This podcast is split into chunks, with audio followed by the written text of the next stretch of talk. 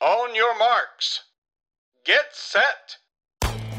Välkommen till Maratonlabbet, en podcast om löpning med mig Johan Forsstedt och Erik Olofsson. I det här 94 avsnittet pratar vi med Mikael Ekvall om hans träningsfilosofi och varför han ännu inte fått den riktiga fullträffen på maraton.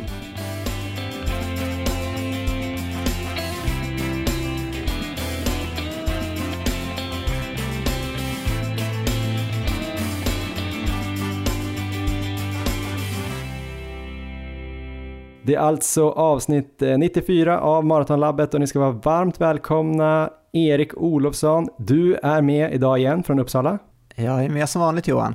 Ja, vad härligt. Och eh, lite senare kommer vi också få höra en annan maratonlegend, förutom dig Erik. Det är alltså Mikael Ekvall vi har pratat om. Eh, det känns lite som att hans ande vilar över Maraton Sverige. Den har gjort det kanske i ja, 6-7 år i alla fall. Eh, men eh, jag vet inte varför vi inte har intervjuat honom. Vi har sprungit hans pass och så, men eh, nu kommer intervjun. Det ska bli kul, eller hur Erik? Ja, det var på tiden. Jag lyssnade på den intervjun när jag var ute och sprang idag och jag varit otroligt inspirerad till att springa lagom hårt helt enkelt. Ja, ni får höra lite mer om hans träningsfilosofi lite senare och också hans satsning mot 2.10 i Valencia. Oj, spoiler alert. Man kanske inte kan göra spoiler alert efter att man har sagt själva spoilern, Erik. Nej, men det där var ju, det där var ju, en, det där var ett riktigt scoop, så att, eh, ja, spännande.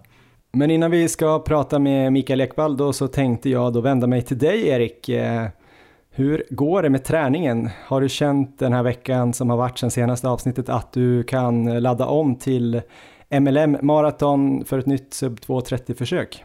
Ja, men mentalt så eh, är jag definitivt redo och eh, fysiskt så hoppas jag vara redo också. Men idag tänkte jag att du skulle få börja med träningen Johan, för du har just kört ett monsterpass här. Så vi, vi börjar med din träning helt enkelt.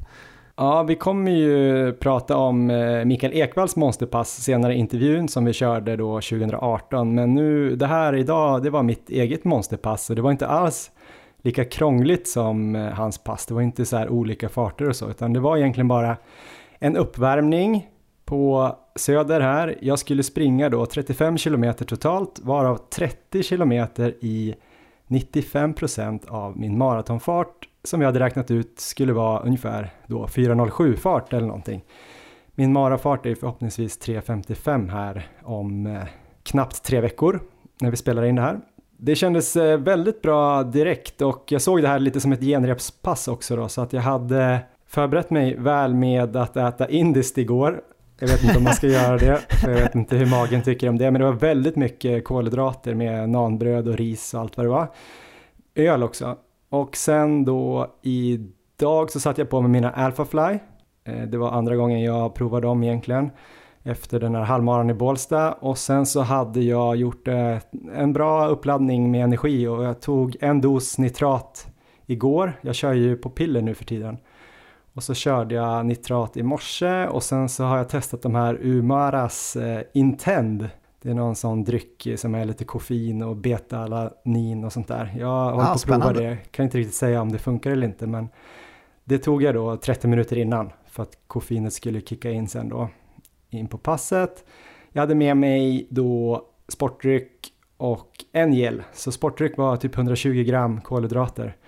Och varför pratar jag om det här då Erik? Jag vet inte men eh, jag kan väl bara konstatera att om jag själv lyssnar på det här någon annan gång så kan jag väl bara säga att det funkade bra med den där energin. Jag tror jag hade 145 gram kolhydrater då på ungefär två och en halv timme som det här passet blev då. Så allt var ju förhoppningsvis så likt som möjligt eh, maran. Det var nog det jag skulle komma till. Ja, just det. Eh, jag tycker det här är spännande Johan, det, det tror jag fler gör också. Jag tänkte på skorna. Eh, du körde ju Alphafly då på hela passet eller? Ja, precis. Och är planen på maran att köra de skorna också eller ska du utvärdera det här passet först?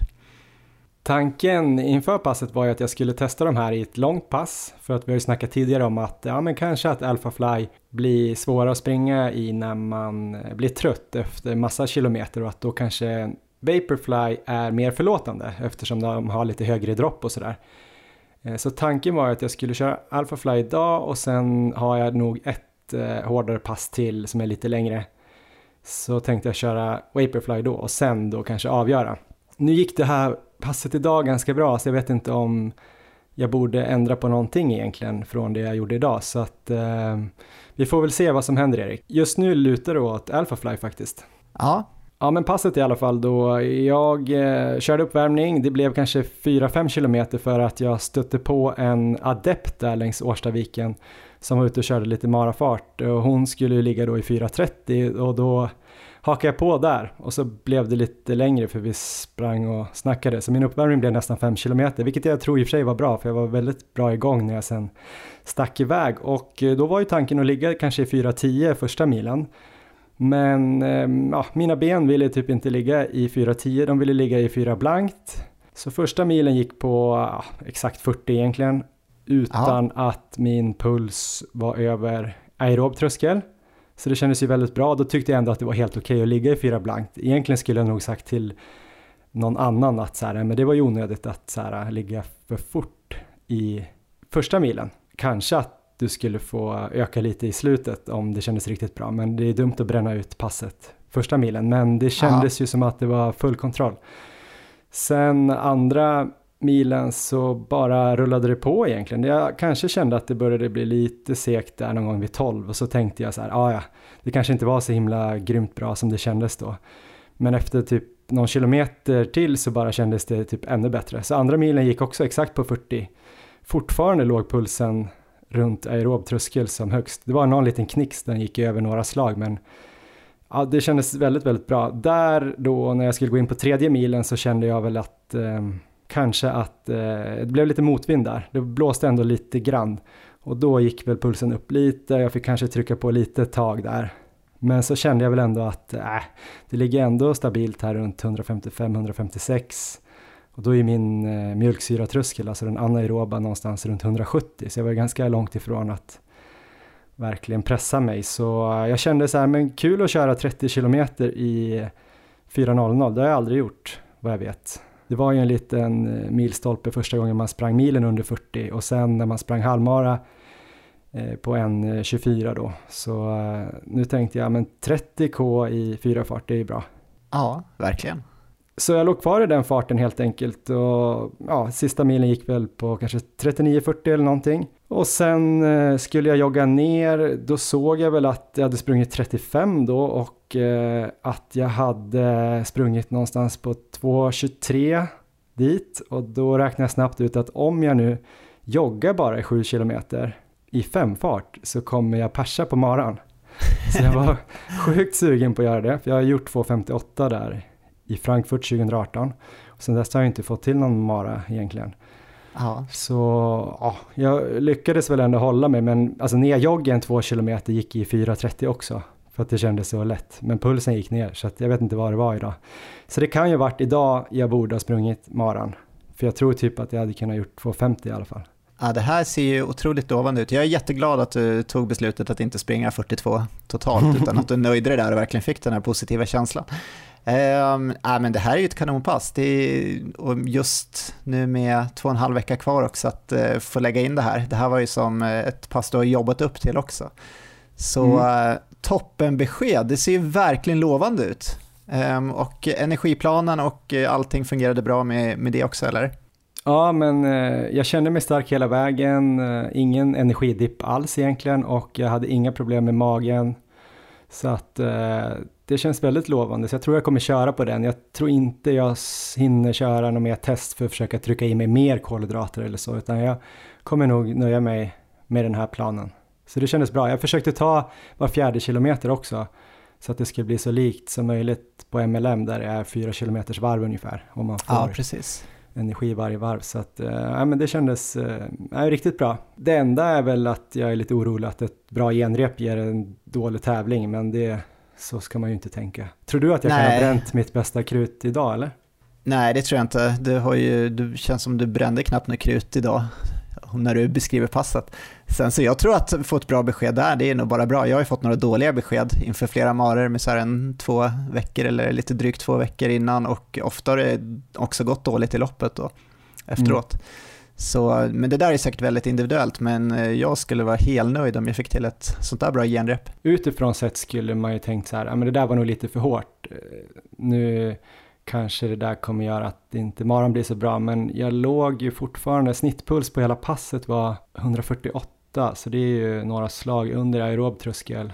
Och eh, jag var aldrig, jag tror jag var över 160 en gång, så jag har fortfarande Ja. 10 slag upp till, eh, till min eh, anaeroba tröskel. Så det kändes bra. Skorna kändes jättebra. Det var bara i uppvärmningen den kändes lite sådär, för då hamnade jag lite liksom bakåt för att det gick lite för långsamt. Men jag tror att jag blev kompis med dem, så det känns ju känns kul.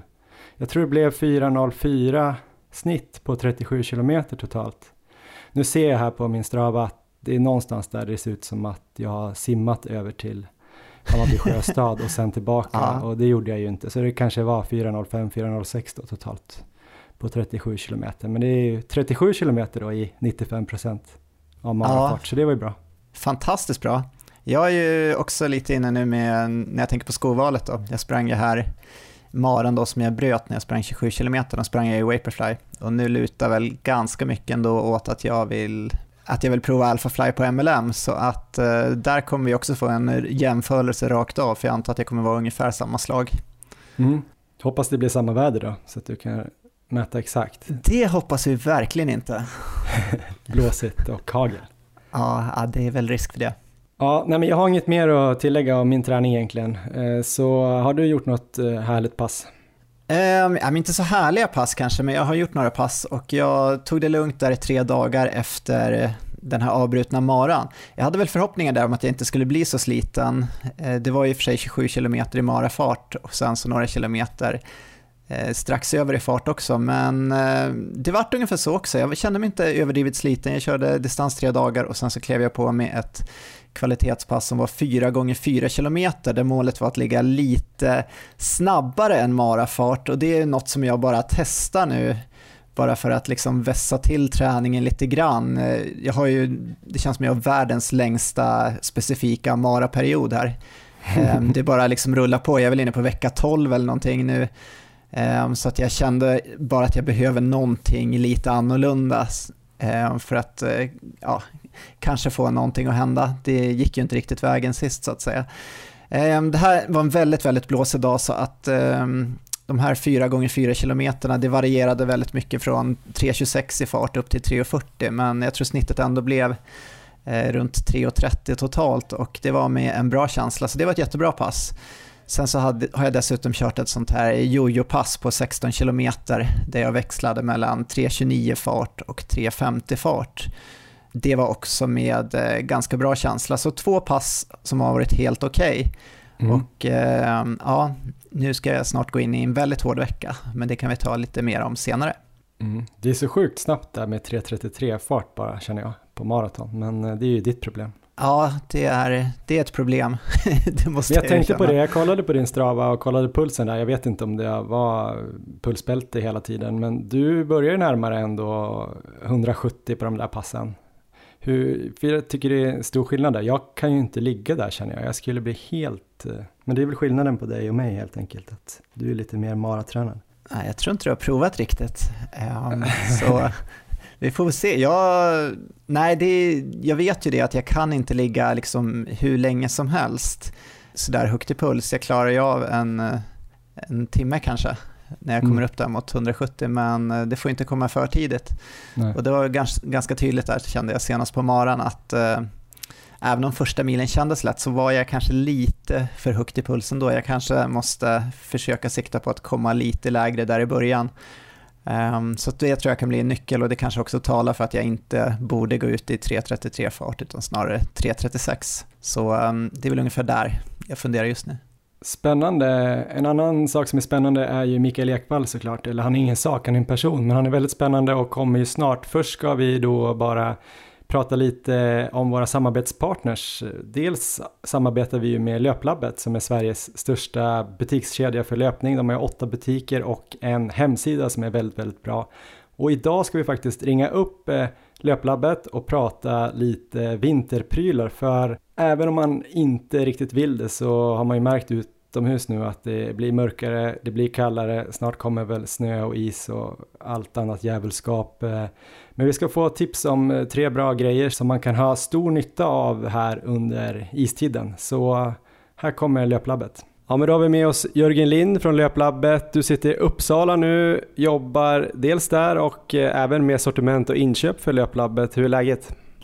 Jo, det är fint, tack. Det är bara bra. Vi ska ju snacka lite vinterprylar. Det är ju så att det blev vintertid här förra helgen och jag vet att i stora delar av de norra delarna av Sverige så är det redan is och snö på marken och det blir mörkare och mörkare. Har du några tips här för bra grejer som man borde införskaffa? Jo, men jag har några bra tips. Eh, om man tittar på kroppen, höll jag på att säga. Man, eh, man behöver ju ha en, en, någon bra tröja när man, som är närmast kroppen. Och, eh, jag har tagit fram en, en här från Fusion, danska Fusion, en i 100% merinoull. Mm. Jag vill slå ett slag för merinoullen, eh, som är ett fantastiskt material just Eh, på vintern när det blir kallt och speciellt när man ska vara ute på längre pass just för att eh, det transporterar fukten väldigt bra. Eh, även om den blir lite lätt fuktig mot kroppen så, så håller du värmen. Så det är väldigt, väldigt behagligt. Plus att man behöver inte tvätta den på samma sätt. När du kommer hem så kan du hänga upp den och den ventilerar igenom och, och, luktar inte svett som man kan bli rätt trött på på de här vanliga syntettröjorna. Ja, just Så att, eh, och just merinullen är ju väldigt behaglig mot kroppen så de som tycker att ull är lite så här kliigt, de, det är väldigt få som känner av att, att eh, det kliar. Just det, och det där är en långärmad tröja då, som man ska ha innerst? Exakt, finns även i kortärmad version då, om, man, om man har någon lite mer fodrad jacka jacka, att man liksom, så kan man ju skaffa en kortärmad också. Men, men en långärmad tycker jag, den sitter absolut inte i vägen. Och då behöver man inte ha så, så många lager utan eh, den känns varm och behaglig. Och även på fötterna så finns det ju bra merinoullstrumpor. Vi säljer en variant från Bola som är fantastiskt bra. Som, eh, eh, ja, samma egenskaper där helt enkelt. Håller värmen och transporterar fukten och, och, och luktar inte snabbt svett. Då.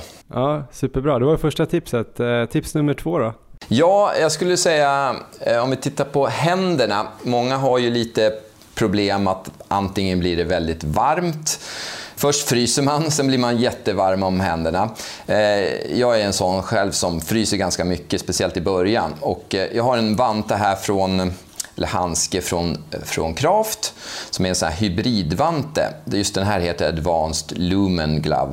Just Lumen för att den har väldigt mycket reflex. Så den kan man ha som en fingervante men sen kan man också fälla över en sån här eh, som ett eh, vindskydd över alla fingrarna.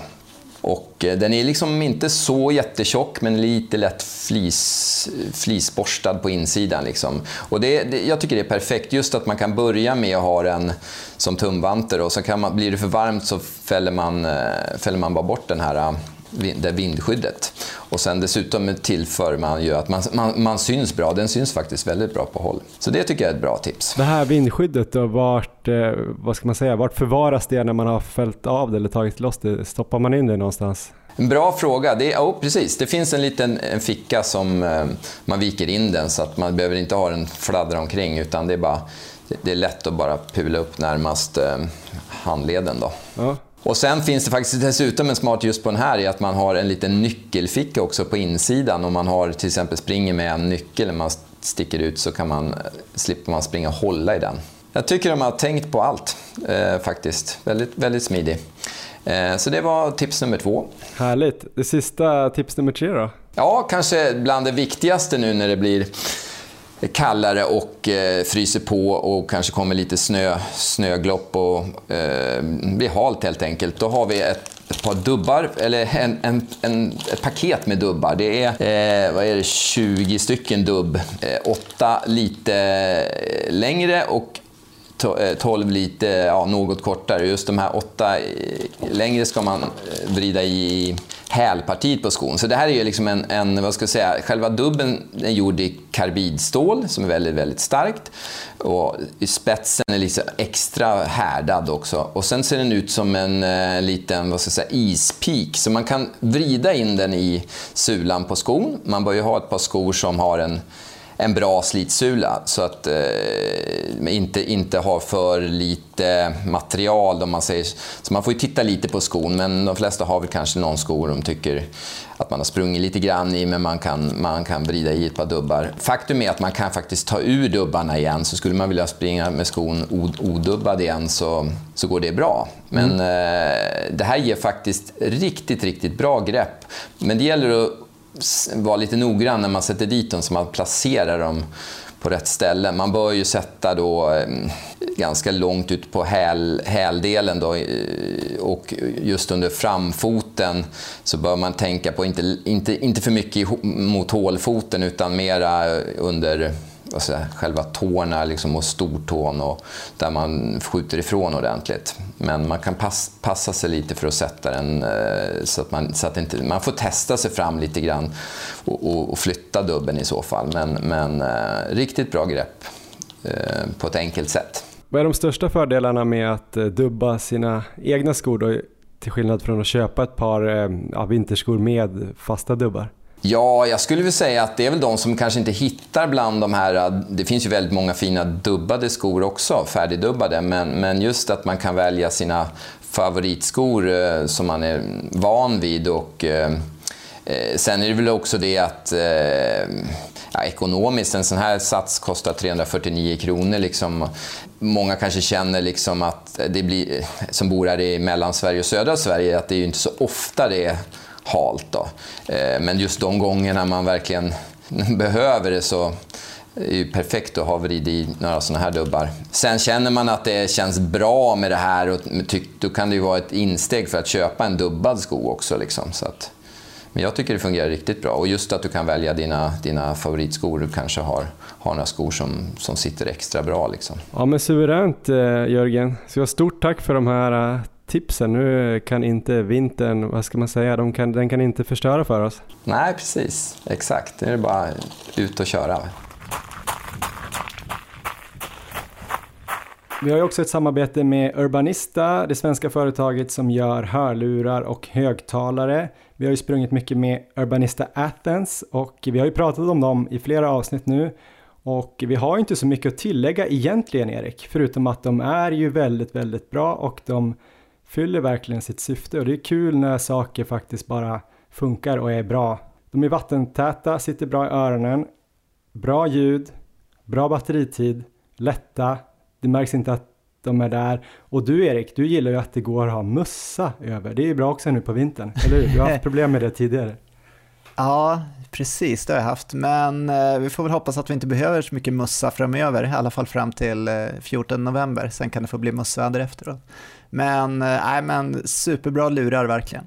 Ja, det är helt enkelt bara riktigt bra sportlurar som är superbra att springa med och man fastnar inte i sladdar eller dylikt, för det finns inga sladdar på dem. Och just nu och ett litet tag till så erbjuder Urbanista 20% rabatt på Urbanista Athens med koden Maratonlabbet och eh, ni köper dem på Urbanistas hemsida helt enkelt.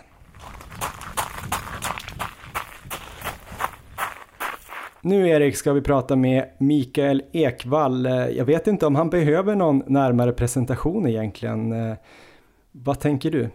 Det tror jag inte, men eh, dra lite i alla fall. Ja, Mikael Ekvall är i alla fall en av Sveriges bästa långdistanslöpare som är då framförallt specialiserad på kanske halvmaraton och maraton nu. Han har sprungit halvmaraton på 1.02 och maraton på 2.11 länge spåddes ju han bli den som skulle slå det här äh, svenska rekordet som Kjell-Erik Ståhl hade så himla länge. Som nu istället David Nilsson slog och som sedan Mustafa Mohamed tog över då det här rekordet. Ekvall har inte kanske riktigt fått till den där riktiga träffen än men äh, jag tror bara att det är en tidsfråga innan han gör det. Och äh, det kanske är kortare tid än vad man tror. Äh, vi ringde upp Mikael Ekvall och ja, han bjöd på ett litet scoop, i alla fall för oss. On your marks. Get set! Yes, då välkomnar vi Mikael Ekvall till Maratonlabbet. Eh, hur är läget? Tackar. Jo, men det är fint. Det är bara bra. Det känns nästan som en bedrift att vi inte har lyckats intervjua dig förrän nu när vi har hållit på med den här podden sedan 2018. Eh, men du ska veta att vi, vi tycker det här är sjukt kul och känner oss hedrade att du vill vara med. Ja, men det är kul. Det är roligt att vara med också. Så att, eh, no hard feelings. ja, nu ska jag sluta smöra och ställa de svåra frågorna. Nej, men först och främst tänkte jag lite status här. Det var ju halvmaraton-VM här för eh, ja, en dryg vecka sedan. Hur är läget nu? Är, är säsongen 2020 över eller hur ser det ut? Eh, nej, nu är det, nu är det, nu laddar jag inför eh, Valencia Marathon. De ska ha någon eh, Elite Edition här typ då, så ja, det är mitt, mitt stora mål nu på hösten då, eller vintern. Vad ser du dig framför där då? Det är väl sex veckor fram till dess om jag inte tänker helt fel. Ja, precis. Eh, nej, men jag, det hade varit kul och jag siktar då på att försöka gå under 2.10. Det är tufft, men eh, jag tror att det, det kan, kan bli möjligt. Men det, det, är en bit kvar, så det är mycket som kan hända längs vägen nu också. Så att man, men just nu känns det bra och det känns som att det finns en möjlighet att gå under 2.10. Hur har liksom den senaste tiden här då sett ut? Har det varit liksom Valencia som har varit huvudfokus och eh, att eh, halvmaraton-VM kom som en del på vägen eller, eller hur har du lagt upp det? Ja, men precis. Jag vill inte gå ner för mycket i träning innan, innan eh, halvmaraton-VM då. Samtidigt som jag ville ändå få ett eh, bra kvitto och sådär. Och det tyckte jag absolut att jag fick. Så att jag, ja, jag var väldigt nöjd med halvmaraton-VM. Och ja, men lite mer av ett steg på vägen. Hur länge har du haft Valencia i tankarna då? Lägger du upp som ett, eh, liksom en period inför ett maraton eller hur tänker du när du har ett sånt mål i sikte? Ja, ja så jag blev väl typ eh, klar i, redan, jag tror jag bokade biljett redan i juli, tror jag det var. Så jag var typ i princip klar i, jag tror att jag var klar i maj nästan till och med. Ja, så jag har vetat det länge då. Så, mm. och ja, jag brukar ha en tio veckors period där jag fokuserar mer på, på maratonträning då, där jag kör ja, men mer specifika pass då, helt enkelt. Och eh, den är du mitt inne i då, kan man nästan säga. Hur har liksom det sett ut och hur kommer det se ut de här sista veckorna in, in mot Valencia? Ja, så skillnaden är väl typ att jag har längre pass då, och så har jag lite, jag har lite mindre kvalitet och så springer jag lite mer långa pass, kan man säga. Så långa kvalitetspass men även lite längre distanspass också under de här tio veckorna. Och typ tre veckor innan ungefär, då, då börjar jag trappa ner träningen då lite grann. Eh, men har kvar några, några lite, li, lite tuffare pass, men eh, trappar ner sakta men säkert då, sista tre veckorna kan man säga. Om du tänker dig då eh, hur den normala träningen ser ut då? Du säger att du byter ut lite hårdare pass och lägger in lite mer längre pass. Berätta lite mer om hur, hur det kan skilja sig då. Ja, men det kan vara när jag tränar liksom, när jag tränar för bana så kan det ju vara eh, en gång i veckan till exempel banträning och då kan det ju vara så här runt eh, 8 till 12 kilometer eh, rätt hård kvalitet. Mm. Medan nu, nu är det ju ingen bana överhuvudtaget i princip. Kanske något banpass, men eh, ja, inte så mycket. Och nu landar alla mina kvalitetspass mellan 12 till 35-40 då på kvaliteten. Men om man skulle gå igenom till exempel den här veckan då? Det är måndag idag, vad har du kört och hur kommer det se ut eh, resten av veckan? Ja men eh, måndag, onsdag, torsdag, lördag och söndag då, då är det bara distanser då och så kör jag kvalitet tisdag och fredag. Tisdag brukar jag köra dubbeltröskel och då kör jag typ Eh, på morgonen kör jag 5 gånger 6, nej 5 gånger 2 kilometer rätt kontrollerat då. Så att jag har under 2,5 i laktat. Då ligger jag ungefär på 6 och, mellan 6,20 och 6,35 på 2000 ingarna. Och sen på kvällen kör jag 12 gånger 1000, 7 gånger 2 kilometer typ i tröskelfart då. Då går det typ i 2,55 till 3,05 ungefär på kilometrarna. Just det. Av fredagarna kör jag typ längre kvalitet och då kan det vara allt från typ liksom det är sammanhängande löpning i alla fall i typ mellan 20 till 40 kilometer. Så det kan vara väldigt, väldigt varierande på fredagarna. Just det. 2018 så hittade vi faktiskt ett pass, eh, jag tror det var på Runners Worlds hemsida eller någonting, som vi började kalla för Ekvalls monsterpass. Jag ja. vet inte om du har kört det, men eh, Jo, men jag har hört talas om, jag tror jag hörde talas om det. Ja, jag tror att det var, i stort sett var det väl 15 kilometer i, i distansfart kanske först och sen var det 5 kilometer jojo när det var väl kanske mellan tröskel och distansfart, en minut på och en minut av. Sen var det 10 kilometer i maratonfart direkt på där. Och sen tror jag det var två och en halv lugnt, 3 kilometer tröskel. Kör du några sådana pass fortfarande eller? Ja, men precis. Jag tänkte jag ska, jag ska köra ex, nästan exakt det passet ska jag köra nu på fredag då. Så då är det, men då är det 15 kilometer i 3.45. 5 kilometer, då kör jag varannan minut 3.00, varannan minut 4.00. Och sen direkt efter det så kör jag 10 kilometer i maratonfart. Sen typ 2 eller 3 kilometer lugnt. Och så avslutar jag 3 kilometer så hårt jag kan då. Det gör mig så glad att du verkligen kör det här passet som vi har säkert refererat till 15 gånger under de här tre åren. Jag kommer ihåg när vi gjorde det där, det var, det var hårt. Det, det härdade, när vi tog oss igenom det, då, då kände man sig riktigt, riktigt stark. Och man blir väldigt stark av de passen, men samtidigt så är det så här, Ja, men det, det, är alltid en eh, fine line där och inte köra för hårt heller och hitta, hitta liksom, eh, ja, man balanserar på knivsäggen liksom. Men hur mycket skulle du säga att ett sånt pass sliter på dig? Skulle du rekommendera det till alla eller? Eh, alltså jag vet att jag körde det passet någon, eh, någon annan gång och då kände jag väl typ att den veckan hade jag lite för mycket, hade för mycket kvalitet och jag hade för mycket mängd den veckan och då, då, ja, då, då blir jag liksom övertränad av, av det passet kände jag. Så att mm. Man får vara väldigt förberedd om man ska göra det passet tror jag. Det måste man. Och så måste man ju anpassa tiderna efter sig själv liksom. Och, ja. Men om du kör ett sånt nu på fredag då, kan du vara redo för att köra ett nytt dubbeltröskel nästa tisdag? Ja, men det tror jag. Det, det är ju tanken i alla fall. Så att eh, tanken är ju att det inte är, det är ju inget maxpass utan eh, ändå liksom, ja, jag försöker att aldrig gå fullt på träning utan jag försöker att liksom spara det till tävling helt enkelt. Den här dubbeltröskeln du körde, det är spännande. Det har varit mycket snack om det ja, det här året, framförallt förra året också. Och mycket medeldistansare som gör i princip på samma sätt som du, men det lät som att du kör lite hårdare på, eller lite längre på andra passet. Eh, hur ser du på dubbeltröskel för maratonlöpare? Jo, men eh, jag, tror att det, jag tror att det är bra. Jag, jag känner att jag, jag har kört det sedan 2018 tror jag, eller 2017 eller något sånt där då.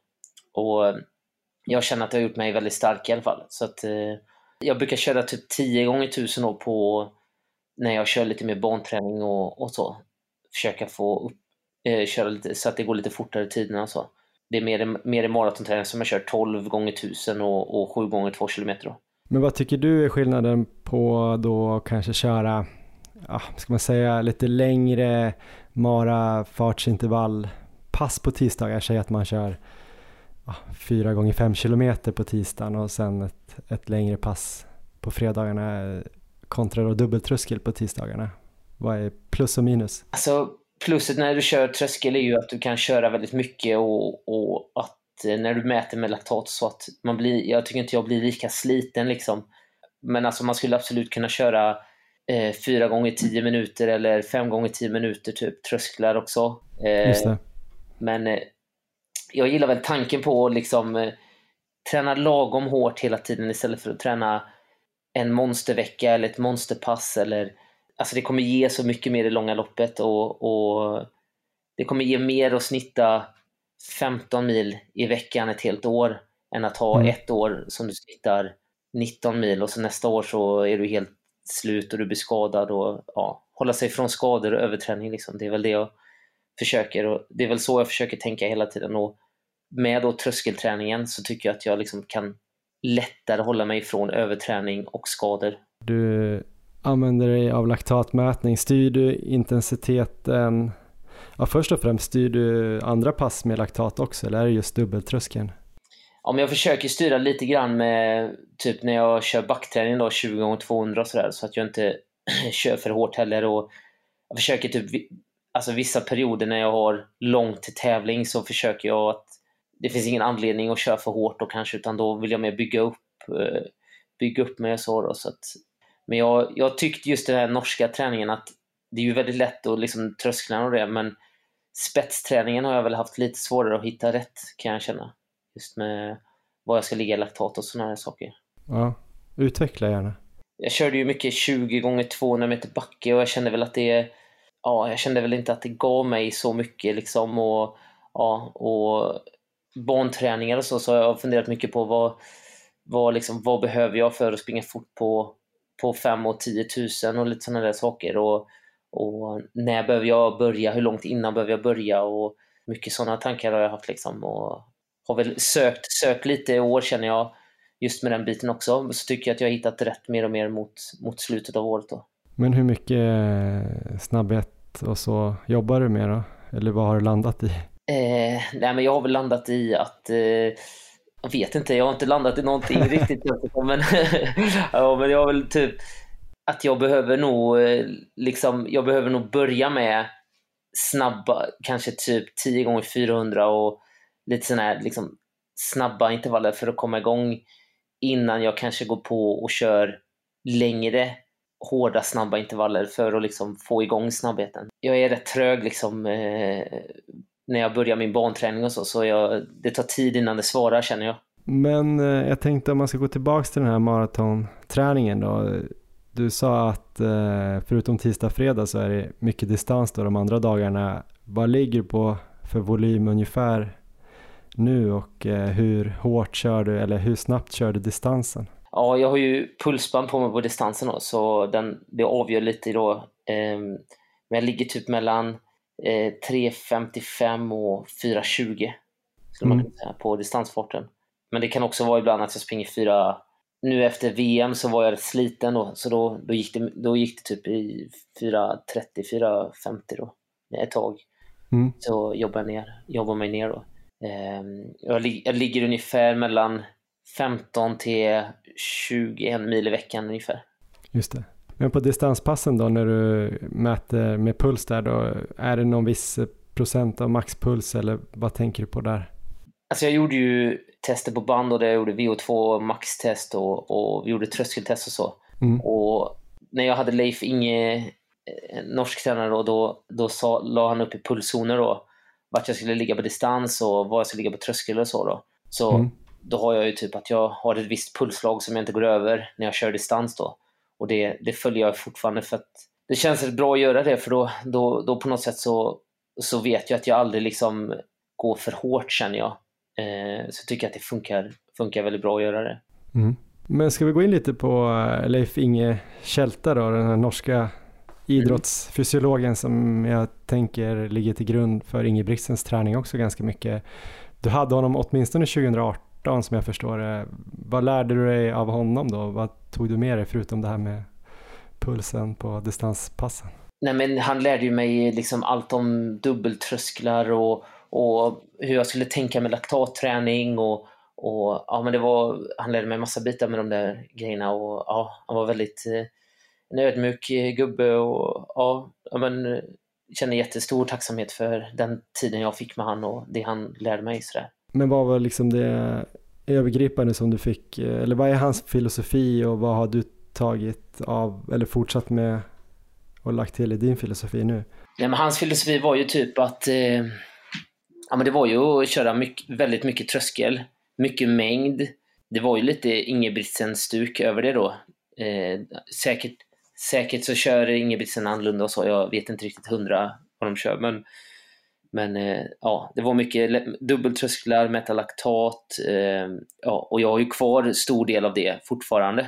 Så, sen så blandar jag lite grann och, och kör lite mer på känslan nu då. Så att eh, när jag hade han så kunde jag liksom få ett schema då, så höll jag mig till schemat väldigt strikt. Medan nu, nu är jag mer liksom, jag kan, jag kan, eh, jag är mer, mycket mer flexibel nu. Jag kan, mm. Eh, kan ändra mig ändra mig eh, tätt in på något pass och, och sådär liksom. Ändra mm. upplägget, ändra mycket mer än vad jag gjorde när jag hade han då. Så det är väl den största skillnaden. Men när du körde med honom, hade du så här långa grundträningsperioder likt Ingebrigtsens också när det var ganska mallat från vecka till vecka när du körde liksom dubbeltröskel kanske två dagar och de, du sa ju 20 gånger 200 backe där till exempel. Och så ligger ja, du så precis. vecka ut och vecka in och tills du kommer till en specifik period då, eller? Ja, men det var ju mycket, han, han la upp det mycket i liksom perioder då, så som du sa där, att liksom, då är fokus på 10 000, då är fokus på maraton och då ska vi få in lite längre, alltså han körde ju också den här, det här passet som du sa, det här som du pratade om som ni hade gjort, det, är ju, det kommer ju från Leif Inge då. Mm. Så, så han hade ju liksom, ja men grundträning, då var det mycket det här liksom, som du sa, tisdag dubbeltröskel, torsdag dubbeltröskel, 20 gånger 200 meter backe. Det var ju mycket typ det stuket, men han, han kunde lägga upp det lite annorlunda också. Han hade lite mer, eh, lite mer variation typ. Han, han kunde ha 5 gånger 10 minuter tror jag vi hade någon gång och liksom 7 gånger 2 kilometer och 12 gånger 1000 och, och 25 gånger 400 och eh, han, hade, han, hade, han hade rätt mycket varianter liksom. Men eh, det, var, det var ju samma stuk där som som många medeldistansare gör i Sverige. Jag tänkte, innan du jobbade med Leif Inge så hade du en period när du tränade med en australiensisk tränare som hette Nick Bidot eller Baido eller Precis. liknande. Vad var skillnaden? För då tyckte jag att jag läste någon artikel när du körde lite mindre så här periodiserad träning i block utan det var mer att det rullade på lite samma. Jag kan ha helt missuppfattat det men ja. berätta lite hur skillnaden var med honom. Nej, men då var det mer eh, liksom, där, vi hade lite pulsband då, men det var inte så här, nu har jag ju alltid pulsband, men då, då var det så här, vi hade bara pulsband när vi sprang tröskel typ då. Eh, mm. Men eh, det var just lite samma filosofi typ att eh, det var mycket så här, tisdag 8 gånger 1000 torsdag kunde vara så här antingen fartlek eller eh, fartlek eller tröskel och så lö lördagar var det alltid backe och då oft, oftast var det 6 gånger 800 meter backe då. Men då hade han, Nick hade lite samma filosofi, liksom det här att eh, ja, men man, man, man tog inte ut sig allt på träning utan man, men när man körde 8 gånger 1000 så hade han alltid att nummer 5 och nummer 7 skulle gå fort och resten skulle vara kontrollerat.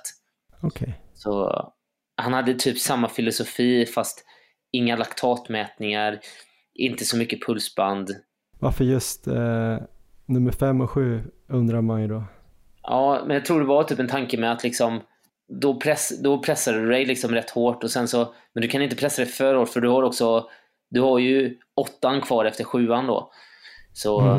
jag tror att det liksom fanns en tanke att liksom, inte den här att spurta på sista liksom och, och tro att man ska vinna vinna något pris på, på träning liksom, utan att det är tävling som gäller då. Men i övrigt där då med block, vissa förespråkar ju ganska hårda sådana olika perioder där man kanske ja, gör väldigt mycket volym i, i, i, en period och sen kanske man gör väldigt mycket tröskel i en period och sen mer sin eh, tävlingsfart om nu inte det är tröskel och, och sådär och delar upp det så. Sh, vad tycker du om det och eh, hur tänker du?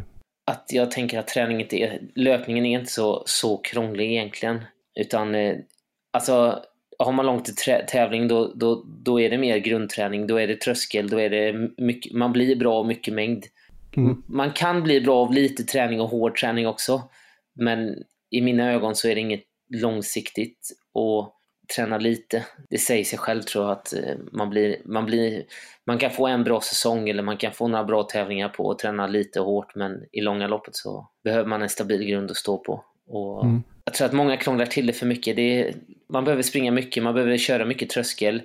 Sen så behöver man spetsa med snabbhet emellanåt. Det är, konstigare än så är det inte, skulle jag vilja säga nästan. Nej.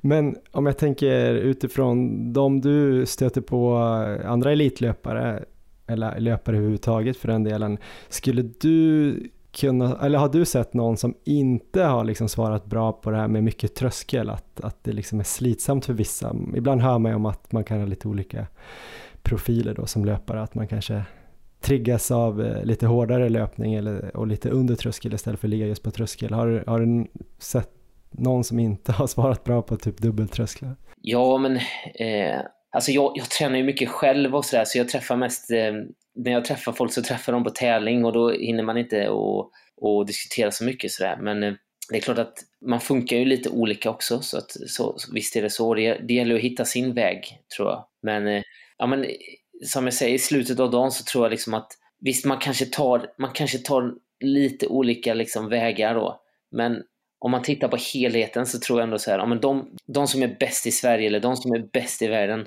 ja men de tränar mycket och de tränar, de tränar hårt men kontrollerat. Mm.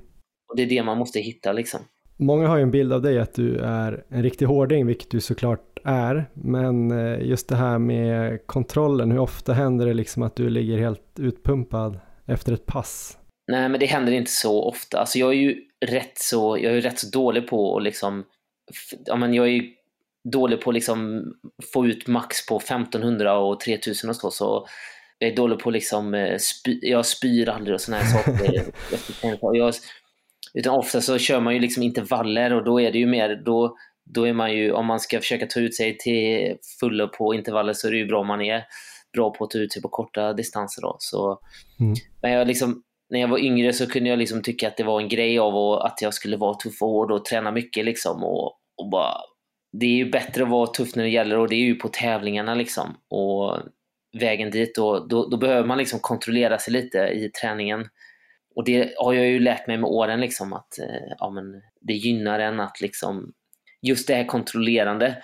För det betyder också att då kan du träna bra i kanske f- tio år liksom. Men går du ut och maxar ett pass då förstör du dig liksom för nästa dag och kanske tre, fyra, fem dagar framöver men kontrollerar du så kan du, kan du göra det i flera veckor liksom. Det är ju det, man det, är det jag Mm. är ute efter nu med min träning. Om man eh, blickar eh, framåt här nu mot eh, Valencia då, tar det tillbaks till där vi började prata. Du sa att du började trappa ner där tre veckor innan. Hur ser det ut då ungefär? Liksom, när kör du sista längre hårda och vad blir det då? Och ehm, ja, hur ser de sista två veckorna ut? Ja, nej men typ eh, när det är två veckor kvar då, den näst sista veckan, då på tisdagen, då kör jag egentligen det sista hårda då. Och då brukar jag köra 10 kilometer i, i fyra blankt och så kör jag någonstans mellan 10 och 15 kilometer i tävlingsfart beroende på lite hur det känns och så. Det är, det är liksom det sista lite längre tuffa passet. Sen, brukar jag köra, sen så tror jag att jag har typ ehm, på typ lördagen har jag bara 10 gånger en minut med en minuts joggvila. Eh, och tisdag har jag bara något väldigt lätt också. Bara... Så sista två veckorna är ju bara väldigt kontrollerande och man försöker hålla igång lite bara för att man ska må bra typ i huvudet liksom inför. Hur mycket går du ner i, i volym då? På ett ungefär, har du något fast eller? Ja, men jag, kanske näst sista veckan kanske 13 till 15 mil och så sista veckan 10-12 typ. Ja, inklusive morgon då, sista veckan. Så det blir väldigt lite träning sista där. Men om man då jämför lite med Sevilla då i februari måste det ha varit va? När du sprang på 2.11.37. Hur ligger du till nu? Har du något referenspass? Alltså jag var rätt bra, jag var rätt bra innan Sevilla också, tyckte jag. Så jag, blev, jag fick, fick en liten sjukdom där som jag kände kanske störde mig lite. Men det, det är alltid lätt att sitta och säga att man hade ena och det andra. Liksom. Det, ibland kan det vara bra med en sjukdom också. Liksom. Så, men jag tycker att jag ligger ungefär, alltså, ja, kanske lite bättre nu, men eh, ja, ungefär i samma. Men samtidigt så när jag gjorde 2.12 i, i, i Frankfurt, då, då var jag liksom sämre än vad jag var när jag sprang Berlin på 2.13. Just Så det är liksom så här, ja. Det är som jag säger, det är lätt att säga jag är bättre nu och ja. Men utan att sätta för mycket press på dig själv då, finns det något pass här som du kan ta fram som, som säger att du är i sub 2.10 form? Som jag har gjort nu. Ja, eller har du dem kvar här i närmsta Eh. veckorna kanske? Ja, vad fan har jag gjort för pass nu? Nu får jag tänka här, men ehm, ja, jag sprang ju 40 kilometer där i söndags i alla fall och det kändes ju rätt lätt. Så, men det var bara 4 och 10, 4 och 11 tror jag det i snitt. Nej, men jag tycker, tycker att typ tröskeln, då ligger jag, när jag har kört 12 gånger 1000 så ligger jag typ 3 blankt och har ja, 3,0 i laktat. Och, ja, men det kän, känns som att eh, jag är där jag vill i alla fall. Känns det som. Jag vet inte om jag ska avsluta med, men jag har en lite ofin fråga som ju jag bara menar väl med och jag vill höra hur du reflekterar. Du har ju, eller innan eh, David och Musse slog eh, svenska rekordet på maraton så var det ju liksom, det var Mikael Ekvall som skulle, skulle göra det, alla, alla snackade om det. Sen när jag satt och kollade lite på tider här, eh, det här det kommer det ofina här, men du gjorde 1.02.29 2014 på halvmaraton i VM och nu 1.02.48 och sen när du debuterade på maran som du nämnde där, 2.12 för fem år sedan och nu gjorde du faktiskt en halv minut bättre Sevilla. Vad är liksom, vad är det som har hänt eller inte har hänt eller hur ser du på det där? Är det så det är när man har kommit så himla långt att det är väldigt svårt att slipa på sekunder eller vad tänker du? Hur ska du få nästa lyft så att säga? Ja men precis, nej men det är, det är en bra fråga. och, ja, men det är alltid svårt att svara på. Liksom så här, ja, men, ja, det är omständigheter i livet ibland som gör att, att man liksom, ja, det går, livet går upp och ner helt enkelt och ibland får man med sig resultaten och ibland går de mot, mot en. Liksom. Ibland eh, höjs man till skyarna och ibland, ibland så sänks man som en sten i vattnet. Det är, svårare än så är det inte. Så det är bara, det är bara tiden vill utvisa om, det, om, jag, om, det, om jag går under 2,10 eller om jag inte gör det helt enkelt. Men börjar man fundera, alltså för vi har ju varit så bortskämda med att vi var ganska dåliga när vi började så om vi bara tränar lite mer varje år så har vi blivit bättre liksom. Det är ju tydligt. Ja. Men om man är så där pass bra börjar man fundera på om man har nått sitt alltså max på något sätt eller hur tänker man och hur tar man sig ur det? De här platåerna, om man nu får kalla det Jag känner väl typ så här, ja men fan jag, fan jag gillar att träna hårt och ja, jag springer inte för någon annans skull och liksom, utan jag, fan om det, det är klart att jag vill bli bättre och så liksom, men jag gör allt jag kan och så får vi se hur långt det räcker liksom. Sen om, det inte, om jag inte blir bäst i världen eller om jag inte blir bäst i Sverige eller ja, men då, då har jag i alla fall gjort vad jag kunnat. Liksom. Så, sen reflekterar jag, sen så tänker jag inte så mycket mer på annat. Liksom. Mm. Det låter sunt. Men om man tänker lite snabbt framåt och bara, nu är det ju Valencia som gäller såklart, men du är väl 31 nu om jag inte har läst fel. Eh, hur länge, eller när tror du att du kommer vara som bäst på maraton? Har du någon sådana tankar?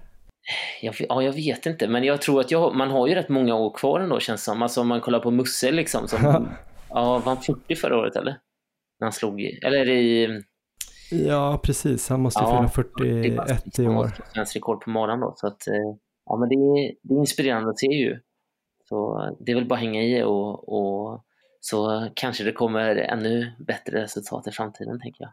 Ja, men du ska ha stort tack att du vill vara med och stort lycka till i Valencia. Vi håller tummarna för sub 2.10, det vore mäktigt.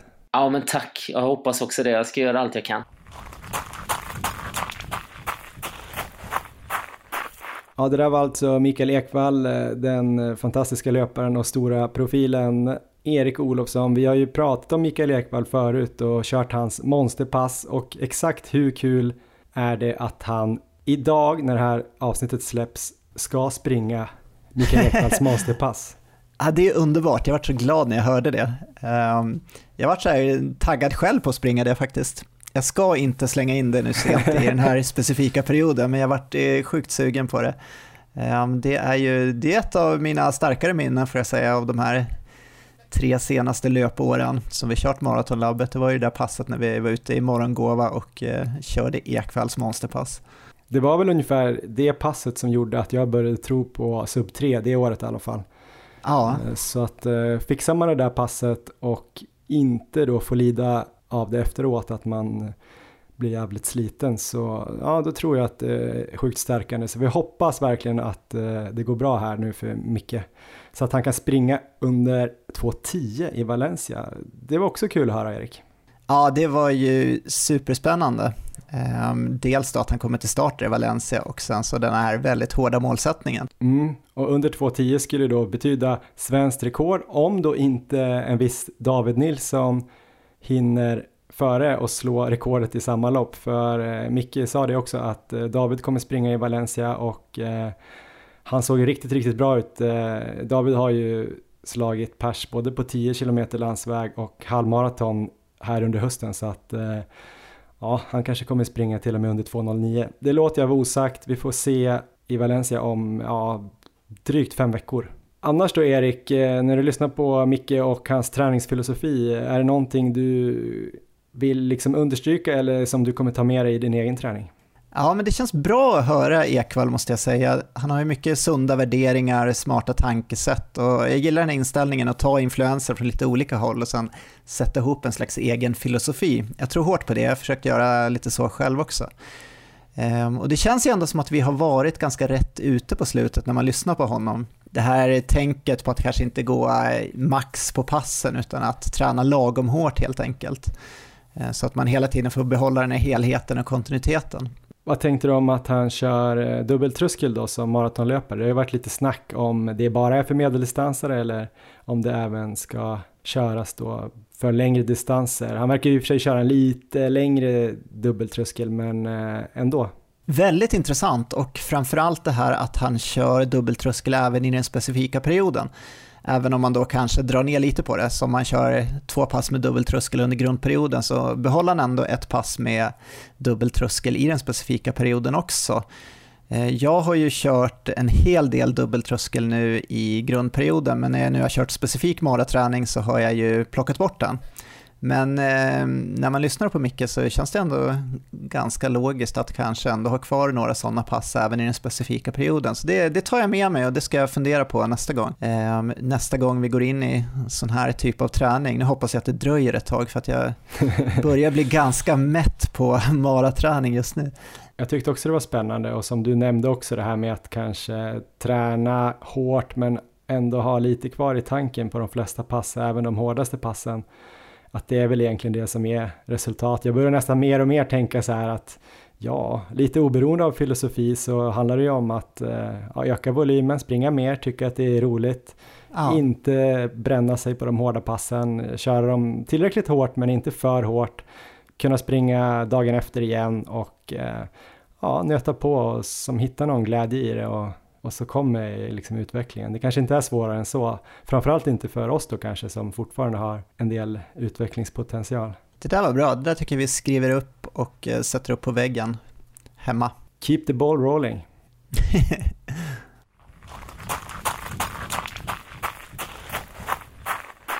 Ja, men vi lämnar Micke där för den här gången så kan väl alla gå in och kolla på Team Alpha Sweden på Instagram och hoppas här att han har lagt upp hur det har gått på det här monsterpasset han skulle göra idag då när ni lyssnar på det här då kanske om ni lyssnar på det första dagen när det här har släppts. Han var ju också inne där på hur han brukar trappa ner inför en mara och eh, det får stå för sig självt. Men jag tänkte fråga dig Erik, hur kommer du börja trappa ner? Kommer du börja trappa ner? Det ser ganska hårt ut för dig den här veckan som är just nu. Det är ju nu ja. två och en halv vecka snart då till MLM. Mm. Jag har en lite annorlunda filosofi än eh, Micke där på eh, formtoppningen, men det tror jag är just individuellt då för mig. Jag har ju, jag har ju märkt ganska tydligt att jag svarar bäst på när jag får träna med hög volym och ganska hårt. Det är då jag liksom kommit i bäst form och när jag har trappat ner för mycket inför marer så har jag helt tappat formen helt enkelt. Så att eh, det är min plan nu också. Den här då, om man tänker att det är tre veckor kvar nu då till maran så är den veckan kommer vara väldigt, väldigt hård. Och sen så näst sista veckan kommer fortfarande vara hård med ganska hög volym, men en liten nedtrappning och sen så sista veckan kör jag lugnare. Men den här veckan som jag har nu då så har jag två kvalitetspass inplanerade. Det första är på torsdag och då ska jag hänga med Carolina Wikström faktiskt på ett av hennes Mara-specifika pass. Är det pest eller kolera höll jag på att säga. Är det lyx att få hänga med eller är det, eller lite, vad ska man säga, är det lite ångestframkallande? ja, det återstår att se, men det, det känns lyxigt på förhand. Det är alltså, hennes pass är 7 gånger 3 kilometer med en kilometer joggvila. Farterna på intervallerna kommer då vara 3.27 till 3.30. Jag siktar på att hänga med sex av de sju, så det skulle bli sex gånger tre kilometer om jag fixar det. Det passar också in ganska bra då i den här filosofin jag har just nu, att försöka ligga lite under tänkt marafart. Ehm, så det är planen. Det är några till eh, duktiga Uppsala-löpare som också hänger på, så jag tror vi blir en bra grupp på det. Vi kommer köra antingen på bana eller på någon av de här marabanorna vi har haft på slutet helt enkelt. Så det blir nog väldigt bra upplägg på det passet.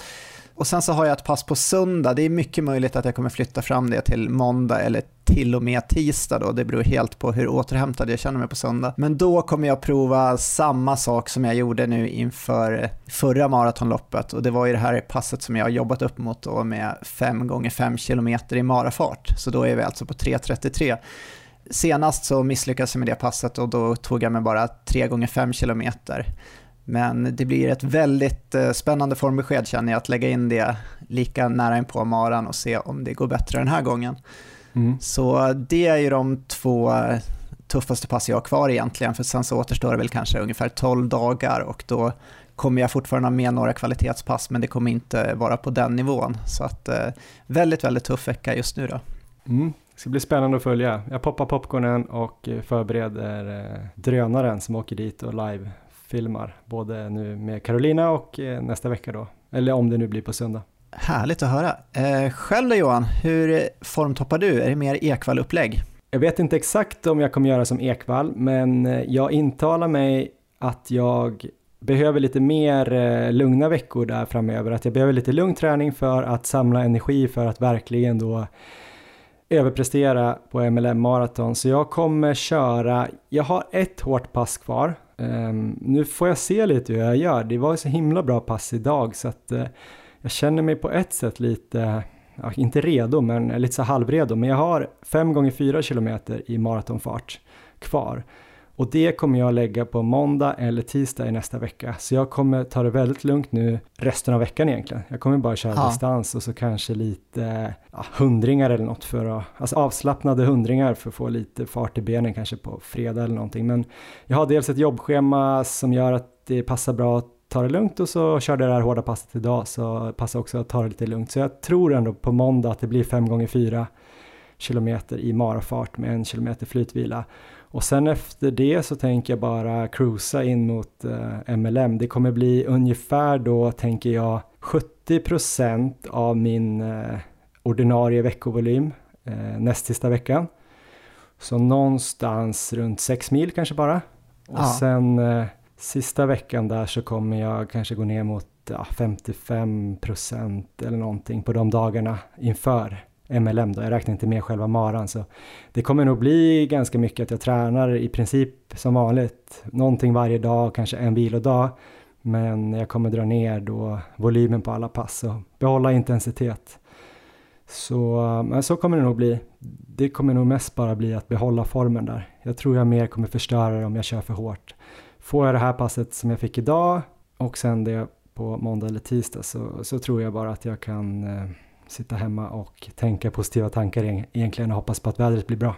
Ja, men jag tycker det låter väldigt bra och eh, bara få med den här positiva känslan nu. Och med 12 dagar kvar ska vi troligen ha varsitt tufft pass då som eh, kanske avgör hur det kommer gå.